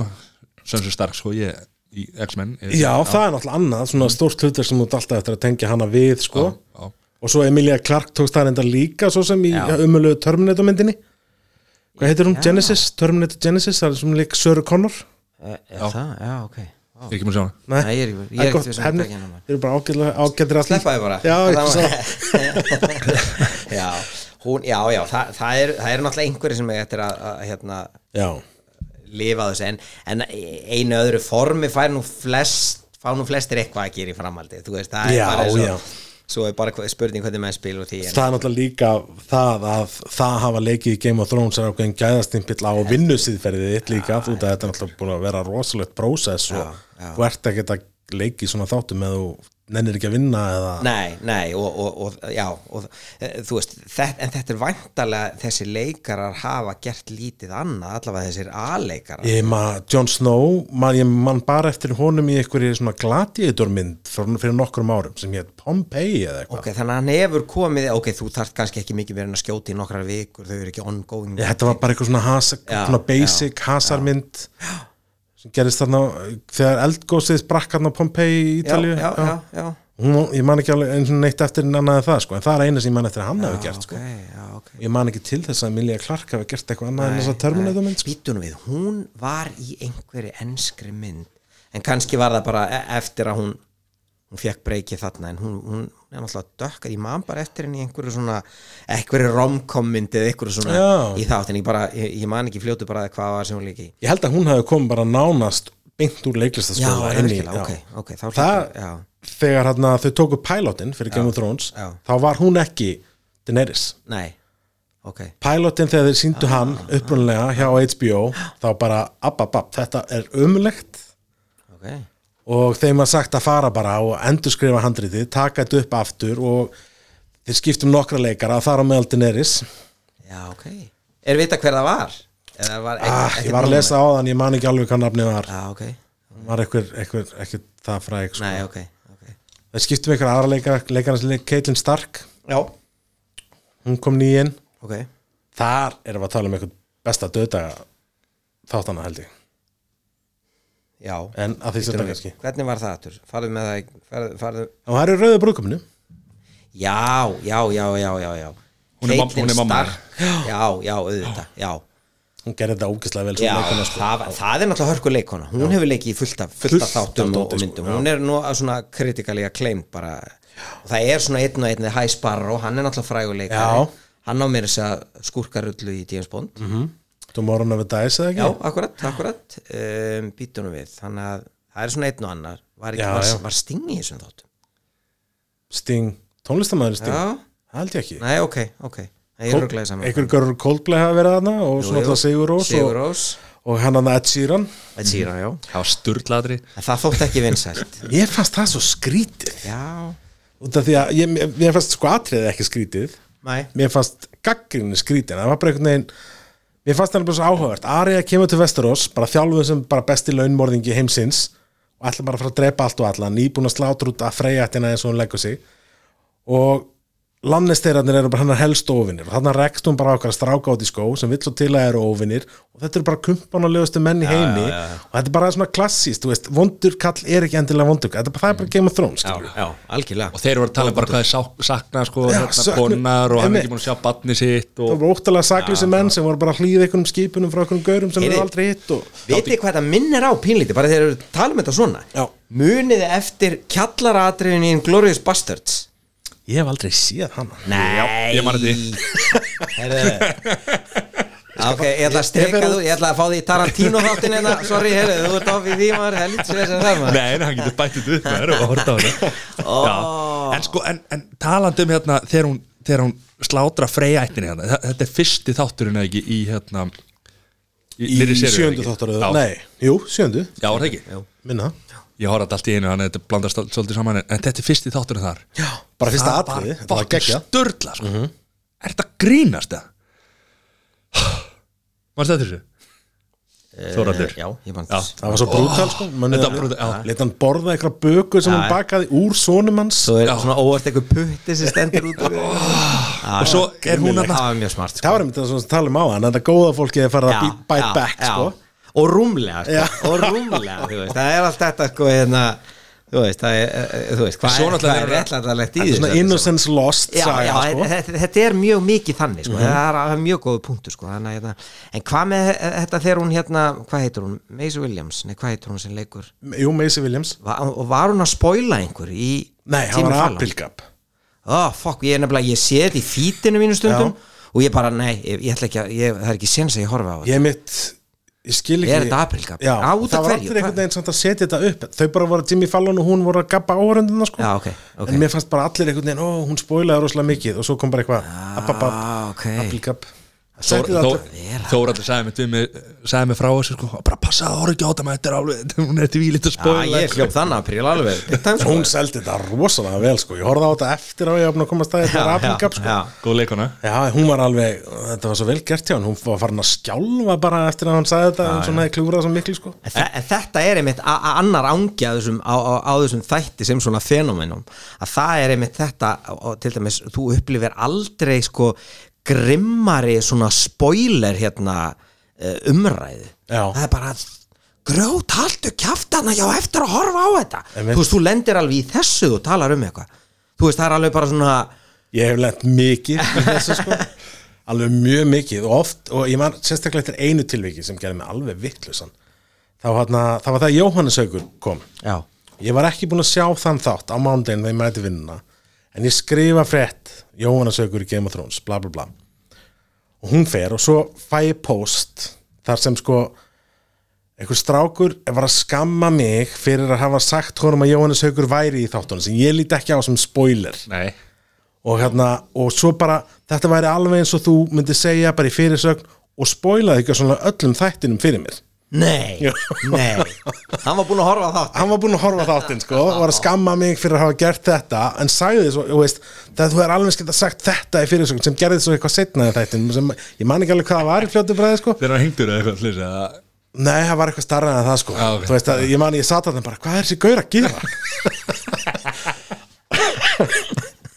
En já, þetta er svona Já, það er bara nokkri þættir sem að bara það er ekki tal Við vorum um þetta að ræða þetta í hátinn dag Ég og Þorvaldur, sko, að hérna veist, Erum við að fara að horfa Við erum nokkri sem að, erum að, við erum að, setja að vinna saman og, og hérna, og bara í hátinu Erum við að fara að horfa þetta live Eða erum við að fara að horfa þetta á set, Þetta er sínt á sunnudagskvöldi Og svo er þátturinn aftur á mánudagskvöldi Já. Þannig að hvort er maður að fara að horfa á þetta live Eða á mánudagskvöldinu Þessi mánudag verður bara erfið, sko Já, já. Við getum ekki verið að tala um þetta nema bara farin í eitthvað, veist, eitthvað fundarherbyggi og ræða þetta þar ég, einmitt, ég get ekki sleppti að horfa á þetta Ætlar að og, taka live bara eða sem sagt? Já, reynda fyrsti þátturinn þá held ég að þurfa að mæti vinnuna klukka 6 morgunin þannig að ég þarf að fara að sofa svona 7-8 síðasta lagi vakna fjögur og horfa áður en ég fyrir vinnuna Ég þáttur klokka fjögur í nóttina. Nei, ég þarf bara að horfa á hann aðeins setna út af því að ég, Já, já, veist, já, ef ég horfa á hann klukkan, ég held hans í eitt eða eitthvað. Já, já, já, já ef ég gerir það þá Já, svo get ég aldrei í vinna neitt bara, sko. já, já, já, já Þú veist, út af því að ég bara ég vinn á netinu þegar ég er á netinu allan daginn ég bara kemst ekki upp með það að horfa ekki sko. áður en ég mæti vinnuna. Við vorum eitthvað að ræða hvort maður ætti að þetta er, Svo er þetta einn og hálf tími bara. Lengsti þátturinn held ég að sé það já. Já, einn og fjörtjú Það er búið að gefa út hvern einn og einasta. Hvað verður þessi fyrsti langur? ég mann það ekki, Nei. svei mig þá. En þetta, já. Fyrsti held ég sé bara basic, með minni það, 60 mínútur. Ok, Hugsa basic. Þetta er náttúrulega já. En en er þetta þá í, sko, er þetta í mínútu fjölda bara álíka langt og fyrir serjur bara færi þættir? Ég hugsa það, það verður bara 6 þættir sko, en þetta verður ekkert fjarrir lægi sko. já. Ég meina sjöunda serið var bara átta þetta er ekki? Jú, jú. jú, ég held það. Ég jafnvel bara 7 ég maður ekki Já, held að það var átta Já, þetta er svona Þetta er ó, Við erum búin að nörda alveg feitt yfir okkur hérna sko, en Já. fyrir hinn, hinn svona almenna mann sem er að horfa á þetta hvað hérna Já, ég veit ekki hvað ég ætla að segja sko. þetta er Þetta er svo Þetta er bara svo styrla, maður dettur alveg inn í þetta ég veit það, það er líka, ég get talað um þetta í allan dag sko. Ég held ég að aldrei dottið svona mikið inn í einhverju seri, en þetta er búið að vera alltaf hluti af þetta lífi er 8 ár sem maður er bara búin að vera að investa í þessar personur sko. Akkurat, akkurat og það er líka eitt annað varandi endan að vissuleiti er mér svona sem alveg sama hvernig veist, hver vinnur allt þetta, ég vil bara fá að personunar fá eitthvað svona almennlegan enda sem hendar þeim sko. Já, já, veist, fyrir mér er þetta meira en personunar heldur en heildasöguna sko. já, já. og þetta er fyrir sögn samanlega drullu saman hvernig þetta endar Já, við deyjum við Það skiptir ekki öllu máli sko. En þetta er hérna Já, það er, það er ótrúlega að koma að þessu sko. þetta, er, þetta er hérna uh, Já. Ef ekki að fara að sí hérna í, í topp 5 listan hérna besti skúrkurinn. Hvað hérna? Ég reyndar hendi í smá. Já, Hvað er með það, endilega? Í mínum huga er Tywin Lannister besti skúrkurinn. Já, ok. Hann var bara geggjaður og hann var líka leikinn svo fáranlega vel. Já, bara allt, öll atrið sem hann var í ónaði hann já, algjörlega. Já, ég sammála því. Hann var, hann var alveg ógeðslega flottur. Það er, sem- það er pappi Hann var hérna, svona sjarmerandi Já, skúrkur hann var bara sjarmirandi þú veist, og munið eftir atriðinu þegar hann var að skamma Jamie Lannister í, held í fyrstu þáttur þegar stríðið var ja, annar þáttur, stríðið var byrjað á milli Lannisterin og Stark. Ok, og hann er að skamma Jamie fyrir eitthvað í tjaldi og, hann, og meðan hann er að gera það bara með eitthvað, þú veist, marg fimm mínútna monolog er hann að, sem sagt, að gera að dádýri? Já, ég manni því. Já, þú veist, frá svona leikrænum leikrænni hlið sé, þá getur það ekki verið auðvelt. Og hann bara ónaði þetta atriði, sko, ég elska hann að leikara hann meir sér Þetta er ón þessi hérna gaur eða ekki? Jó. Jú. Þetta er gaur sem leik Sardo Númsbæ í í henni frægumynd Golden Child. Ég veit ekki hvað það sé hana, ég er nú sennilega aðeins eldri en þið Þannig að ég hérna, kannast ekki við það að sé hann Eddie Murphy sko, hann, hann var frábær. Hann var skúrkur í þessari mynd sumulegis Charles Dance, já, Já, frábær leik Þóraldur, ef ekki bara halda aldrei en þínu frá þessu veginn og, og hérna? Jú, við skulum gera það, við skulum gera það. En menn voru farin að tala í myndum þá reynda, sko. Er Og Ég það eru og. Heyrðu, ég, ég, ég bara, bara ég, ég stið það 100% hann, ón, hann ónaði þetta líka á klóstunum þegar hann var drefið sko. Já, veit það. Hann var bara- spoiler alert. Það er, það er já, það, já, já, alveg fram í raun svo var það annað atrið sem mér fannst ógeðslega flott líka.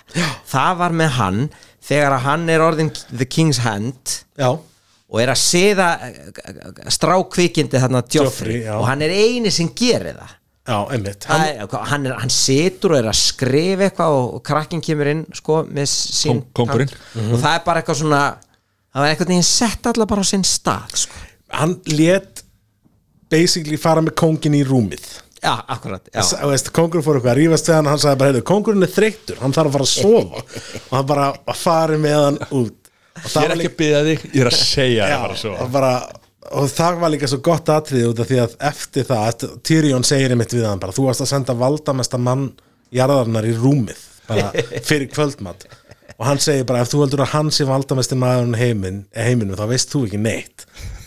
Veist, þannig að hann var valdamesti maðurinn í heiminum, bara með að vera á baku tjöldin, skilur og senda bref, hann vann stríði gegn Rob, bara með að senda bref á hann að Walter Frey. Walter Frey, já, já. algjörlega sem var ógislu karakter. Ógislega tara karakter. Og sa, s- þú veist, í sama múfinu tókst tæfin einhvern veginn að ganga frá Rob án þess þá að taka sökin á sig fyrir að slátur hún í brúðköpi sko, já, já, já. sem er náttúrulega ósiður í á þessum tíma. Eða þú bjóða að gefa ykkur um að borða, salt að borða þá hana, máttur ekki gera neitt við hann sko. Nei. bjóðan heim tíðin sko. Já, náttúrulega, já. Heyrðu, númer tvö. En- en- svo, svo er hérna annar sem er svona nei, ekki besti skúrkurinn, en bara skúrkur bara ógislegu gæði sem var hérna Heyrðu, þú far, far, far að kemur að þér á eftir. Fyrirgjöf. Læti niður í Haltu það áfram. ég hefði ég með Peter Baileys í tvö. Ok, Littlefinger, já, hann er var. Var. Blessus í minningas mjög áhugaverð hann komst ansi nála til að vera bara vondur til þess að vera vondur. Já, en hann var samt ekki, hann var bara brjálaðislega metnaðakjarn og með mjög takmarka siðferði. Já, eða öllu heldur hann var, hann var, hann var, hann var hans svona preferensa snéru mjög mikið að honum og hann var svona greinlega tilbúin til þess að ganga langt til þess að ná sínu fram. Kemur náttúrulega úr sárri fátakt Já, eða já. munaðleysingi eitthvað svo leiðis og þetta er þá væntala það sem að lífið hefur kent honum. Pappans var minni mig málaliði sem var Já. gerður að aðalsmanni eitthvað staðar í The Veil, fekk bara eitthvað okkur lítið, eitthvað turn bara sem kastala og 2-3 þorp. Já, og hann var vildi vera betri og meiri kallin það. Já. og hann, hans mark, það hans hvað sem var, MO já, að það var bara að etja öðrum saman horfa þá bara falla niður og standa uppi eftir skilur. en, en er samt ekki hægt að segja dólti að hann sé ansi svona bara, hvernig var orðað það gegn heill í sinni nálgun hann, hann, hann lifir og hann deyr bara eftir sínu. Algjörlega. alveg frá A til Ö þegar hann, þegar hann segir við Ned Stark sagði þú ættir ekki að trista sagður mér og ættir ekki að að ég ætti ekki að treysta hérna, þú veist Mhm. þú, og, og alveg yfir í þetta á endanum kemst hann bara endar hann í, í sko ungstræti eða bara í svona sem er samt og þar held ég, það er líka eins auglina sem er skuldi komin frá bókunum sko. já, Þú veist, hann fór aldrei með sönsu norður í bókunum þar sem það er endur sko. á þeim tímapunkti þá var einhver önnur stelpa sem ramsi giftist sko. Já, þannig að hann seldi hann ekki til Bolton eða neitt svoleiðis Nei, ekki ok. bókunum þar sko. Nei, ok. en drap hann hérna hana hérna í já, á, hvað heitir kastalinn hérna Lísarin hérna, já, já. hérna, Hann drap hana. ka kastaði hann út um tunglhurðina þarna Já, Já, og fekk, fekk hana til að drepa mannin sinn Já, hann reynir allir lannisturunum að stark saman til þess að bara auka sín völd að endanum sko hann var ástfangin af hérna mömmu Caitlin Stark, já, Já, Caitlyn Stark. sem, ba sem bann bara eða sem, Já, sem krakki það var sko þannig að hann ólst upp með þeim systrunum sko í bókunum. Og hérna, í The Veil, já, þær eru þaðan. Nei, þær eru The Riverlands. Það eru þið Riverlands, já. Já, en þannig að sem sagt, já hún giftist til The Veil. Já, Lísa. Já, sýstirinn af Caitlin Stark já, Kallin fór norður já. í staðinn þetta er svo einfalt sko. Þetta er nefnilega líka annað sem er svo áhugavert við þess að þætti, hvernig gagnendur höfðu miklar áhugir af því í fyrsta þáttaröðinu bara hvernig fólk að halda utanum þetta allt Já, saman sko. já, já. og það er ekkert auðvelt. Nei, það er samt líka það sem að gera þetta svo stert Algjörlega. En það er nú oft sem að peningakallarnir klúðra sko mati sínu á hvað fólk er tilbúið til þess að setja sig inn í. Já, já. Hversu oft var hún hérna hún Rowling sem skrifaði Harry Potter og segja bara þú ert að vitni einhverja latnesku hérna, sem að börni aldrei eftir en að lesa. Glemdu þessu, bara aldrei það er enginn að fara að gefa út þessa bækur. Já. af því að það er enginn að fara að lesa. Nei, þú veist, heyrðu, númer þrjú. Númer þrjú, já. Besta bardaðasennan mm. erum við ekki ennþá í skúrkum eða? Ha, varstu með fleiri skúrka? Já, ég með nokkra, bara, við erum samt að tala um það alla held ég. Ah, ok, Já, ég menna, það má allir allir Ég er allan að, ég er með Joffrey, Ramsay og Jamie mér, Jamie var skurkur En er það ekki lengur Já, já, ok. Mér- Þess að ég var búin að Ok. tala mikið um Já. akkur ég elska hann já, En Joffrey og Ramsay voru báðir bara svona Koma ansi nála því að vera bara vondir til að vera vondir En Ram, bara það var svo skemmtilegt hversu vondir þið voru sko. já, já, já, já, já. Ramsay var náttúrulega hardcore drullsokkur sko. já, já. en Bolton Boltonandir Ramsey Bolt Ramsay Var bara hann tók hann, hann tók hann hérna Theon Theon Djúvill, oh, fuck Þegar hann hérna hljópi burtu eða komst í burtu og, og hérna þegar hann leitt hann aftur inn í Plata hann, sleppt honum og Plata hann sem sagt, fucking hell maður. Já, hann, sem sagt, í bókunum þá gerði hann í því sko að, að hana, veiða stelpur í umdæmi pappa sinn sko. Já. og muni, hann átti þessar risastóru hunda sem drápa hann endanum. Þeir voru allir sem skýrðir í höfuð á stelpum sem hann hafði myrt Já, ok. Já, smart. Það kom ekki fram í, í tátunum með það Ég held ekki nei, Nei, við minnir ekki. Nei, ég var- ekki að því. hann var mjög áhugaverður. Já, hann var það. Hann var, og það var líka annað eins og þú veist það er ekki held ég auðvelt að leika svona gaur sko en hann gerði það mjög vel. Mjög vel, svo hérna poppaði hann upp um daginn í hérna The Dirt myndinu hann leikur að hérna hann. já, hann leikur Mars hérna, gítarleikarinn í Mötli Grú mm. gerir það bara bísna vel. Hann er tónlistamæður, hann er búin að vera hljómsveit í mörg ár sko. Já, ok, ok. Já, ég leist það vel. Herðu, hvað sér, ég var að hoppa yfir í hvað erum við með hann næst? Bestu drápin. Bestu drápin, já. Það er nú nóg að taka. Þar er nóg að taka, sko. Það, það. Það Herði, já, verður maður ekki að byrja á Ned Stark Jú, það er svona að því að það hleypur öll að stað Já, það er trendsetterin í þessu og svona stærsta mómentið sko. Svo brútal að láta stelpunar horfa á það sko einhvern veginn og, Já, já. og, og dóttir að vera upp á sviðin uh, En þeir munið samt sko að hann átti ekki að deyja. Það gerðist ekki nema bara rétt ára hann að dó. Hann var búið að gera samkomulega við hann um að hann myndi játa svik og hann átti að senda hann norður. Já, Hann átti að fara að vera meðlumur Nightwatch. Já. Ok, En svo var það bara í blálókin þar sem hann hann er búin að lýsa yfir sekt sinni og eitthvað og þá segir Ned, hérna, Joffrey, drullusokkurinn sá Sir Ilin, bring me his head bara og upp úr þörru já, og það ger allt vitlust og þá hóf stríðið og allt var í fokk. Já, og, já, já. Þú veist, þannig alveg fram að þeim punkti sko, þá gerði maður svona ráð fyrir því að þú veist, hans sögu var ekkit lokjút hann var bara frá norður að já, jafnvel, sko. vera, vera hetja þar. Já, Já, já, ok. Það var, svo- heldur, það var heldur betur ekki. Nei, ekki alltaf annað sæti seti ég Oberyn Martell munið til því Nei, segðu okkur frá því. Viper of Do na, Dorn. Já, Fjallið? Já, fjallið drapan og, og já, drafst svo. já. já, já. Í hérna í, geggjuðu atriði. Já, í einvíinu Það var ekki smart maður. Af Því að hann var búinn að tója við hann. Já, já, hann var búinn að vinna. klára hann fjallið bara. það var rókin sem kom Já, já. um, eða kom upp Það var flottur, já, það var hansi flottur sá. Já, það var styrla karakter maður hann var svo flottur, hann var líka Já, frábæð leikari, frábæð leikari það já. er líka í þessum þáttum þessum magnað svona atriða sem bara fólk er að spjalla sem maður samt fylgist með bara af ákafa sko, Já. það var í öllum atriðum sem hann var í, þá var maður bara Já. Er fólki frá Dorn, er þetta spánverjar eða ítalir? ég veit það ekki, er þetta ekki frekar mjög austurland það Nú, já, myndur setja það þannig það ekki Mér fannst þetta að vera svona miðrahafs En, ég veit ekki jú, að sé ekki meira Ég veit ekki, Jú. Kaldrók og Kó eru meira svona Mongólar eða, eða að því að út af hestunum og því Já, já. alveg yfir eitthvað miður en, en ég veit það ekki ég, nei ég ekki heldur svo sem ég var þeir, bara voru ekki, þeir voru ekkert að borða pasta eða horfa á nauta þetta er ekkert svoleiðis, það var ekki þannig sko, þannig að þetta er bara eitthvað svona tilfinning sem maður hefur sko. En þetta, ég hugsa samt að Oberyn Martell döði hans í einna eftirminnilegust í Já. þáttunum sko. og þar er einmitt enn og aftur er maður að sjá fram á mögulega pínu breyk fyrir þá sem eru aðeins betri heldur en vondaliðið. Emitt, þetta er að koma oh, nei, ekki aftur. Þetta, þetta er svo alltaf með Liverpool þú veist, það, þú veist þetta er bara svona ah, nei, ekki aftur, please. Aðja, heyrðu, áfram með smjörið. Þú ert að segja að góðu kallinni vinni í ári Anskot. Ég held þetta líka með Rob Stark þarna Já, já, ertu þá að meina Red Wedding eða ertu að meina hann sérstaklega? Hann sérstaklega svolítið Þú veist, Hann er þarna svolítið á hápunti lífsinn sko. Hann er að rústa þessu stríði búinn að vinna allar sínar orustur nýbúin að gifta sig, batna á leiðinni bara í veistlu, mega stuð og fjör. Nei, nei, hann má ekki. Það má enginn vera ánaður í Game of en Thrones.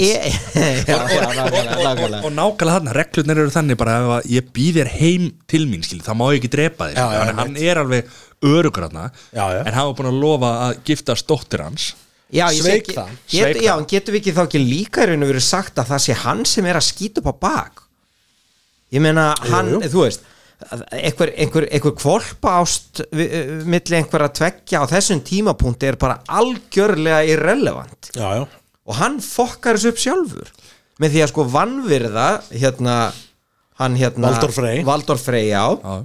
Hérna húsvörun í Harry Potter og hérna þið vitið, þannig að þú veist hann í raun og veru kallar þetta yfir sig að mörguleiti Já, já. gerir það, þannig að hérna þó sem maður hafi, all, hann fá allar mann samu og þá verður maður að segja, heyrðu, nei þú hefði ekki Hann klúðraði þessu algjörlega. klúraði þessu sko, Já. þannig að hérna kall angin hann átti þetta skilið Þetta, ég er stoltið gaman að setja það í samingi við það hvernig pappa stó, Ned Stark sko, sagt við hann sko, og, ég man ekki hver það var sem sagði það, Honor killed Ned Stark, eins og heiðurinn draf Ned Stark, Já. út af hann fór munið til Cersei og sagði, ég veit þetta, ég vil bara ekki að þú og börnin verið drepin og þess vegna ætla ég bara að gefa þér kvöldið til þess að flýja, áður en ég segi Robert, middeltíðinni drepur hún Robert og Ned deyr, já, já, já. Þú veist, og hann fylgdi heiðurinnum sínum og tapaði bara út af því. Og Rob Stark var svona, fór svona alltaf svipaðlega sko. þarna var hann að hugsa um heiður konunar sem hann var ástfangina hann var búin að gera henni ólétta og eitthvað og, giftist henni svo að hún myndi ekki vera í ruglinu bara eftir það. hann var búin að redda öðrum gæja til að giftast dóttir hérna, já, já, það má samt, ég, ég, mér finnst þið báðir aðeins vera að hleypa honum að, sko aðeins að, að hérna, sleppa honum. Nei, ég sagði þetta, hann þess að skilið. hann, hann, ég myndi segja að hann verið eitthvað svo skortur á heiðri drap Rob Starks hefði hann verið heiðverið maður þá hefði hann staði við það og gifst hérna dóttir Walter en hann var, hann var að fórna heiðri sínum fyrir hag konunar sem var ástfangina er það Já. ekki svolítið heiður Já, er sko. ekki heiður fólkin í því Jú, en þá ertu fórna heiðrinum fyrir- mögulega, en þá ertu komin með þessa einstaklingshyggju sem að hérna, sem að er í raun og veru drepur vegna þess að hvorki heiður hans nýja heiður konunar er eitthvað sem á að vera í fyrsta seti heiður húsinsins, heiður starks heiður, þú veist akkur er hattar að Rob Stark bara, ég, nei, ég bara, En ég er að, hérna, samla, að þeir áttu ekki að vera að spá við þessu þeir áttu Já, bara að spá í að vinna já, já. þú þarfst að vinna fyrst áður en þú getur akkurat. bara að vera eitthvað good guy sko. Já, það er- er nefnilega máli, sko. þá aldrei verið átta seríur sko. þess að vinna góðu gæði þetta er aldrei það, er- það er nú kannski bara máli sko. það er nefnilega máli Já. heyrðu, hvað segir, hvað erum erum við áfram erum við áfram í drábónum voru konum í já, drápin hana já, já, ég svo bara með Já, að tala um það það var stórkoslegt Það var Hvað með, hvað með, en, en, en hérna uh, Erum við ekkert að tala um að besta drápið sé í raun og veru þó að kannski í hennu langa samingi var ekki dráp. Það er hérna For the watch. Tsh. For the watch. Tsh. það var Er það Það var mjög geggjað. Já, og það er dráp, ég menna hann dó. Og Algjörlega. svona, Spoiler alert, kom tilbaka gallin bara við það er að maður sá svo fyrirfram að hann myndi koma tilbaka. Er það? já, já, ég veit það. Út af því að hún Melisandre var er gerður sérstaklega úr því að senda hana aftur frá Stannis. Hún var, var svo eina sem gat, hún getur lífga fólk við, ég, að ég veit ekki mér fannst alltaf já, bóðlegjandi frá mér, mér fannst, ég, ég, ég hugsa ekkit um það kannski fór maður að hugsa um það fljótlega þegar hann lá bara á einhverju borði lengi, lengi, skilji. En þú veist, bara eins og við erum margótt búin að tala hérna, þú veist, óútreikna líki þátt hann er slíkur Algjörlega. að væri það eitthvað óðurlegt að Jon Snow myndi drepast þarna á þessu tímpúti, bara reynd ekki. Þú veist, þannig að hérna. Nú er ég aðeins að, að, að klikka saman hérna. Þetta, Var þetta ekki lokin á einhverju seríu eða? sem að var drefin eða var þetta bara lokin á einhverju þætti? það var lókin á seríunni. Já, seríu, já, já, já, já, já.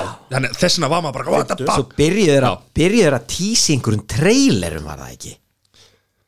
Fyrir næstu seri Jú, Var jú það ekki? segð mig þá. Já, já, Þetta var, jú, þetta var í endanum á 50 serju og enda, bæ, bæ, enda bækunar enduðu svona líka Já. sko Þetta var, var maður bara varst þú, þú varst örgulega að byrja að tísa á vísi sko um það að þetta væri er Jon Snow að lífi sko því mann maður var að lesa bara Já, býttu hvað hérna, já Já, Já, ég ég- eitthvað skrifað um er það sko. ekki? Jú. Já, ég er eiginlega alveg vissum ég að lesa eitthvað svona Það var einmitt bara það að hún yfirgaf Stannis Já. og fór til hann manni hvað heitir, höfustöða Nightwatch Já, Castle Black Já. já, og, hérna, og bara það að hún var hann fannst mér einhvern veginn bara ávísun á Já, það já.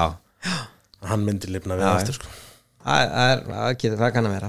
Heyrðu, við rættum aðeins um bardasenurnar Mhm.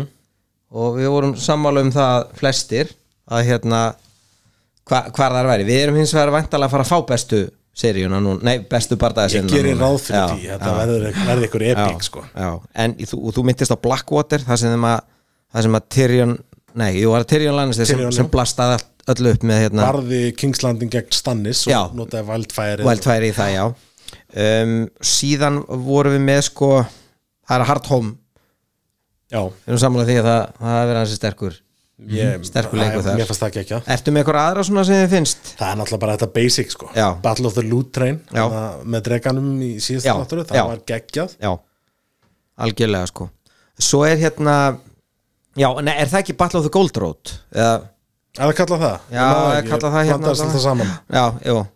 Og svo, tölum, tölum íslensku hérna. Hvað bardasinur er að tala um Þetta er hérna? lestavagnin Já, já, já. Vagnarlestin já, segi ég. Þi- Þegar hann fyrsta hérna- skipti sem drekarnir koma og, og virkilega hérna, Og bara einn, apply by the way. themselves. Já, já, já, Og þetta var þegar hann hérna Lannister hérna Já, þegar, Þegar hann var á hestinum og ætlaði að drepa hann þegar hann kafaði 300 metra í fullri brinju með gullhendi. Já, hann fór alltaf í töðunar já, með gullhendi? Já, það er bara Ég Og hann skil ekki hérna- hvernig þetta er hægt sko. hvað heitir hann hérna sem hann var Bronn. Bronn, já, já. Slapstick, bronn. Já, Hann gerir ekkert um að vera með svona one-liner á hann slapstick er æðislegur sko. Hann er skellur, hann er skellur Besti one-liner- one-linerin hans er bara hana eitt þegar hann bróðir Samuel Tarly kynnti sig og hann, hann Jamie kallaði hann Rickon og hann leiðir eitt hann að segja uh, Dickon. Og Bronn gerði hann bara í gretur hlátur sko. Það var, já, þeir gerðu mikið úr því, Rickon og Dickon hann Já. og svo maður bara, "Ah, ok, já, þetta er fyndið. En leið og þetta koma þegar að hlóa þetta þá, Já, svo, svo var reyndar hérna er, við erum bara með einhvern lista hérna.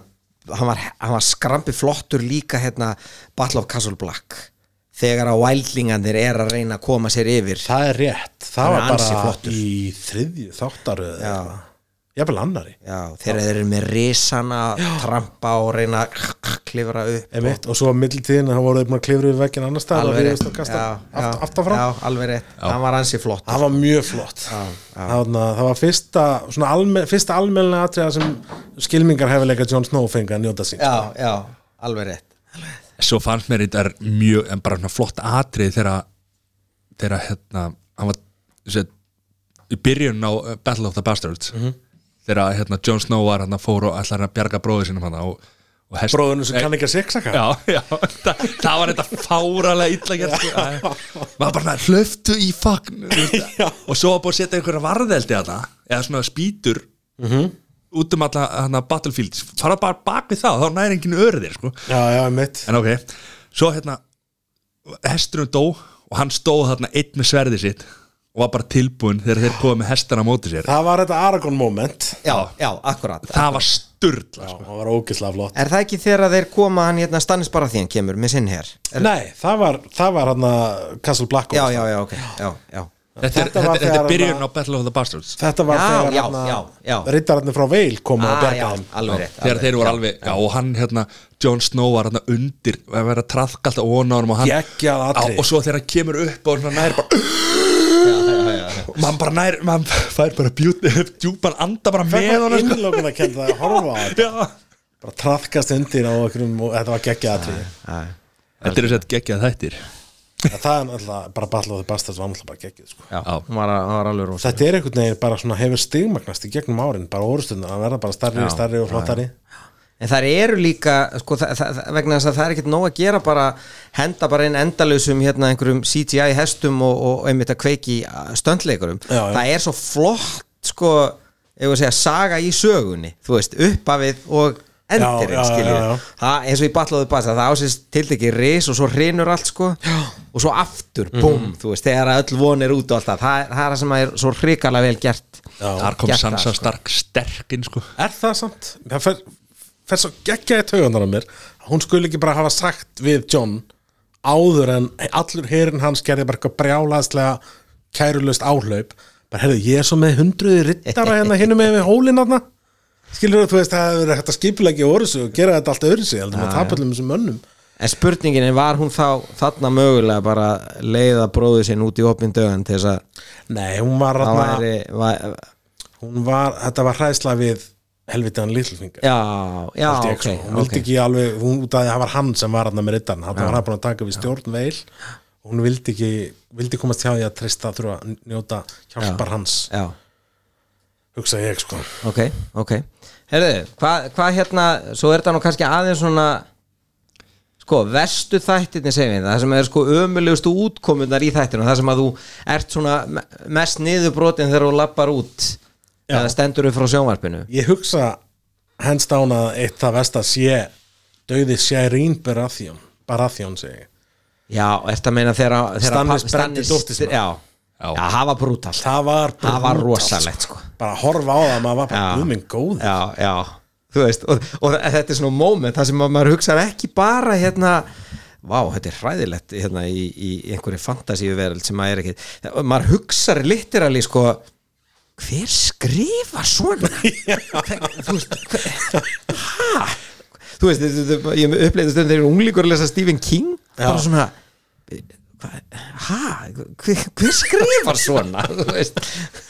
Það er svona, maður mað fer út úr sko situásjónu en einhvern veginn villu átt sko, það, það er alveg rétt sko, ég, ég get ekki hort fram hjá hérna uh, bara reddvetting, ég ætla bara að vera mjög hérna hefðbundin og segja bara að það var alveg svakalega mikil hérna, mikil skellu sko, mm að það var virkilega svona atriða sem að maður stóð líka upp og sagði bara já, herri það er- er- þú veist, er ekki eitthvað í er ekki eitthvað í fréttum bara eitthvað, ég, þetta ég, er bara svo klassist ekki þeir bara tóku Ned Stark, heila þáttaröð byggðu hann upp. Og maður bara, ó, geggjað. Já. svo taka þær tvær þáttaröðir í að byggja Rob Stark, já. það var bara, ah, frábært Já. og einhvern veginn fellur inn í allt. Þetta er eitthvað svona ungur myndalegur verðandi konungur, norður eða ná svona aftur vopnum sínum. Nei, ok. Erfingi á leiðinni Ég hef oft hugsað hvort að George R. R. Martin hafi verið með hann að hérna, svo við vittum að þessi svona, þetta er tala um áðan með raunveruleikan.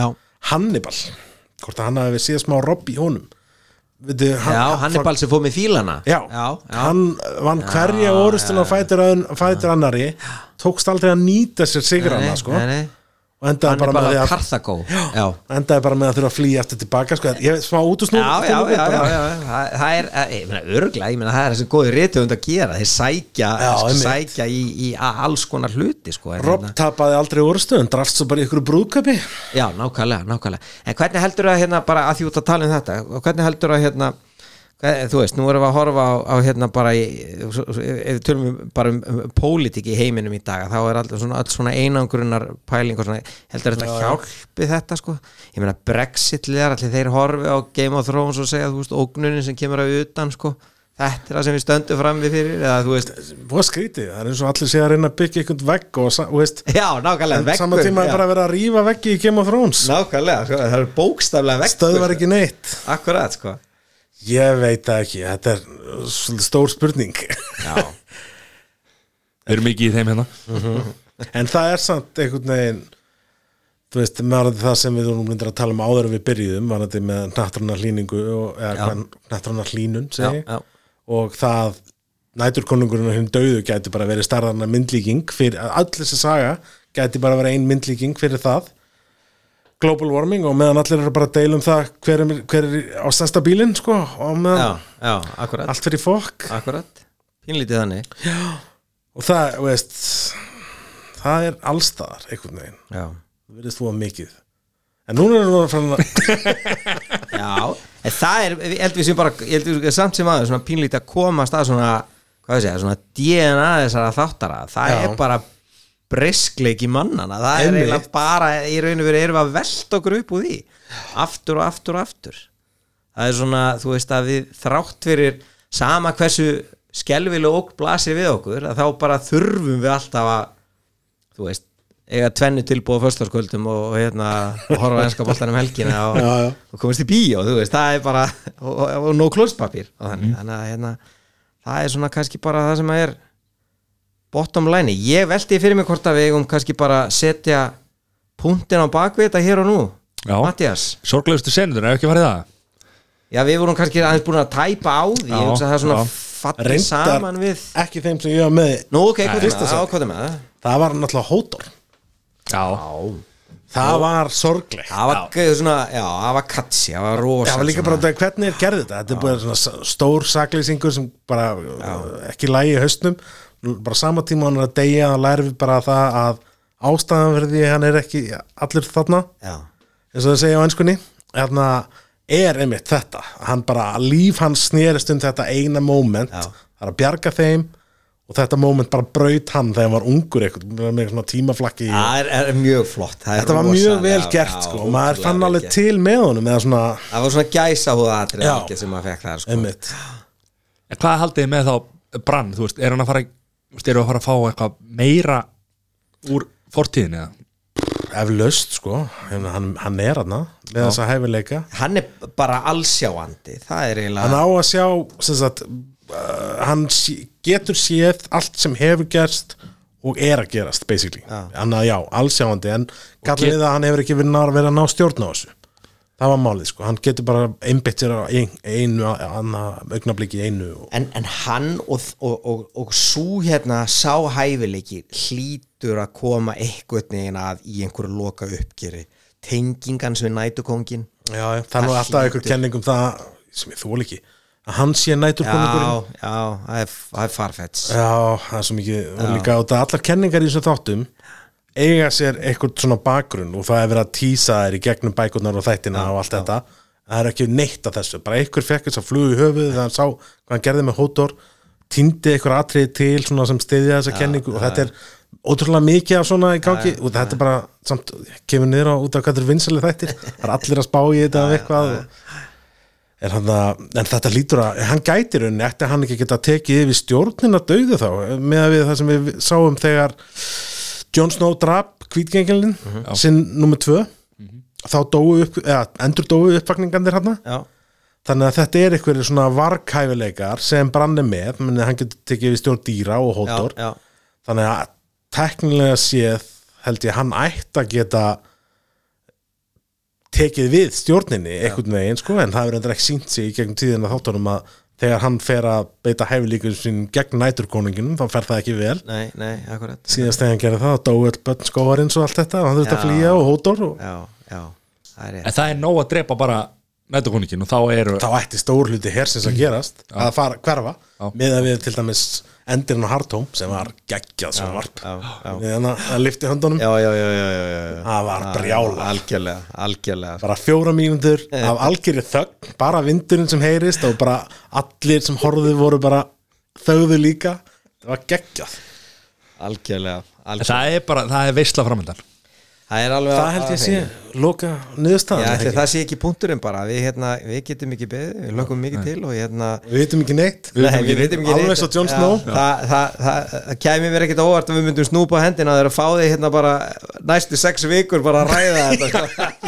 ég var alveg til það. Bara að fara yfir hvern einasta þátt og segja hvað er þetta að segja, hvað er það að gera? En við skulum sjá hvort að hérna Guð og Lukkan leifir okkur það. Hérna, Samuel, takk kellaði fyrir, Takk fyrir að hitta okkur. Ótrúlega gaman að hérna, hitta eitthvað sem veit eitthvað um þetta og hjálpar okkur Matta í að þekkja nöfnin og, og staði og, og atbyrði í, Game of Thrones. Lætur okkur líta ríkala illa út en samt vel sko. En, hérna, en heldur ekki áfram að gera hann pisla fyrir hvern þáttu jú. ég hef samt svona smá áhyggjur að að það verði ekkert svona mikið til að greina.